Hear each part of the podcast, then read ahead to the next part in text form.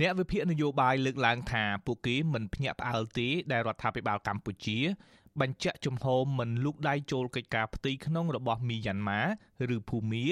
ព្រោះកម្ពុជាក៏កំពុងញោមញីដោយវិបត្តិនយោបាយ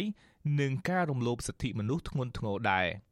លោកហ៊ុនសែនបង្ហោះសារនៅលើទំព័រ Facebook ក្រោយបញ្ចប់កិច្ចប្រជុំកំពូលអាស៊ាន នៅថ្ងៃទី24មេសាថា កម្ពុជានៅតែប្រកាន់ភ្ជាប់គោលការណ៍មិនលូកដៃចូលកិច្ចការផ្ទៃក្នុងរបស់ភូមាឡើយប៉ុន្តែកម្ពុជាគ្រប់គ្រងចំហរួមរបស់អាស៊ានដើម្បីជួយដោះស្រាយវិបត្តិនយោបាយនៅភូមាមេដឹកនាំរបបក្រុងភ្នំពេញដែលរងការរិះគន់រឿងបង្ក្រាបគណៈបកប្រឆាំង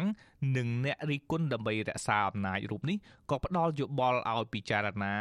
ប្រើយន្តការអាស៊ានត្រីភាគីដើម្បីជួយសម្របសម្រួលឲ្យភាគីដែលកំពុងប្រឈមមុខដាក់គ្នានៅភូមាងាកមកចរចាគ្នាដោយស្ងាត់ស្ងាត់និងសន្តិវិធីវិញ ដើម្បីកុំឲ្យមានការបាត់បង់អាយុជីវិតប្រជាជនតទៅទៀត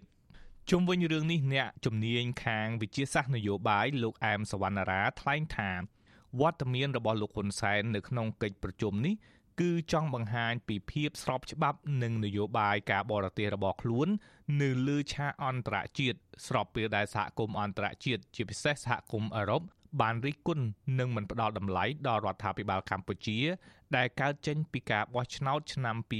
2018ទន្ទឹមគ្នានេះលោកយល់ថាកិច្ចប្រជុំស្ដីពីវិបត្តិនយោបាយភូមាត្រឹមកម្រិតអាស៊ាននេះមិនអាចទទួលបានលទ្ធផលផ្លែផ្កាអ្វីឡើយ ព្រោះមេដឹកនាំនៃរដ្ឋជាសមាជិកអាស៊ានមួយចំនួនព្រមទាំងកម្ពុជាផងពុំសូវមានតម្លៃខាងប្រជាធិបតេយ្យ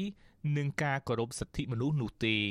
ក្របខ័ណ្ឌបណ្ដាប្រទេសផ្សេងទៀតដូចជាឥណ្ឌូនេស៊ីសិង្ហបុរីម៉ាឡេស៊ីលើកឡើងហ្នឹងក៏មិនសម្រេចជាការអីបានដែរដោយសារតែអាស៊ានវាត្រូវការគោលការណ៍កុងសង្ស៊ីស10សម្លេងហើយបាត់ភូមិមួយវាអត់មានជាសម្លេងទេហើយអាស៊ានវាមាននៅជារបាំងគឺការបញ្ជាជ្រើសជិះការផ្ទៃក្នុងក៏ប៉ុន្តែនៅក្នុងធម្មនុញ្ញអាស៊ានហ្នឹងទាំង55មាត្រាហ្នឹងក៏មានចំណុចមួយនិយាយពីការលើកស្ទួយលទ្ធិប្រជាធិបតេយ្យនិងសិទ្ធិមនុស្សនៅក្នុងក្របខ័ណ្ឌតំបន់ដែរហើយខ្ញុំគិតថាវាមិនសំខាន់ទៅលើរឿងបញ្ជាជែកលើកិច្ចការផ្ទៃក្នុងរបស់រដ្ឋសមាជិកទេសំខាន់ទៅលើបណ្ដារដ្ឋសមាជិករបស់អាស៊ានមួយចំនួននឹងមានបញ្ហាផ្ទៃក្នុងរបស់ខ្លួនឯងពាក់ព័ន្ធនឹងបញ្ហាសិទ្ធិនោះនិងប្រជាធិបតេយ្យទៅហើយអញ្ចឹងហើយគេនឹងមិនជិះជែកច្រើនទេបាទកិច្ចប្រជុំកំពូលអាស៊ានក្រៅផ្លូវការនេះធ្វើឡើងនៅក្នុងទីក្រុងយ៉ាកាតា នៃប្រទេសឥណ្ឌូនេស៊ី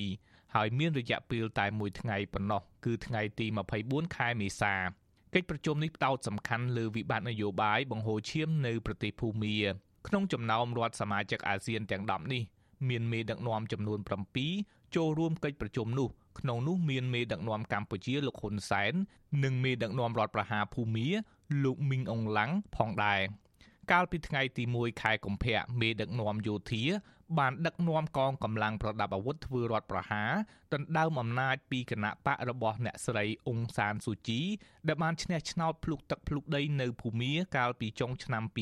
2020មេដឹកនាំស៊ីវិលជាប់ឆ្នោតជាច្រើនរូប រួមទាំងអ្នកស្រីអ៊ុងសានស៊ូជីផងត្រូវបានគេចាប់ឃុំខ្លួនមកទល់សប្តាហ៍ថ្ងៃនេះពាក់ព័ន្ធទៅរឿងនេះដែរអ្នកវិភាគនយោបាយលោកកឹមសុខមានប្រសាសន៍ថាមូលហេតុសំខាន់ដែលលោកហ៊ុនសែនចាកចេញពីកម្ពុជាពេលកំពុងមានវិបត្តិជំងឺ Covid ធ្ងន់ធ្ងរហើយទៅចូលរួមកិច្ចប្រជុំកំពូលអាស៊ាននេះព្រោះលោកហ៊ុនសែនគ្រាន់តែចង់បានមុខមាត់ឬប្រយោជន៍នយោបាយផ្ទាល់ខ្លួន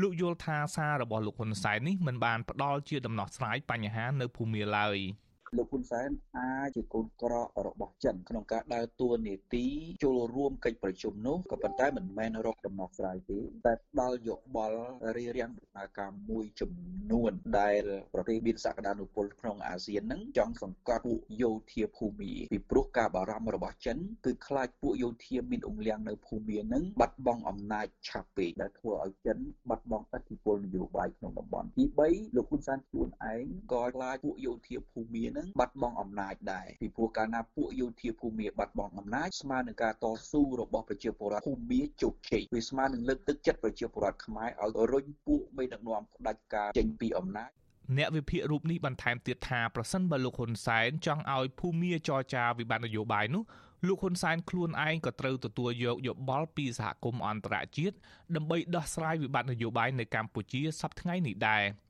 ក្រោយកិច្ចប្រជុំកំពូលអាស៊ានលោកនាយករដ្ឋមន្ត្រីហ៊ុនសែនក៏បានដឹកនាំគណៈប្រតិភូវិលមកកម្ពុជាវិញហើយ នៅល្ងាចថ្ងៃទី24ខែមេសានេះ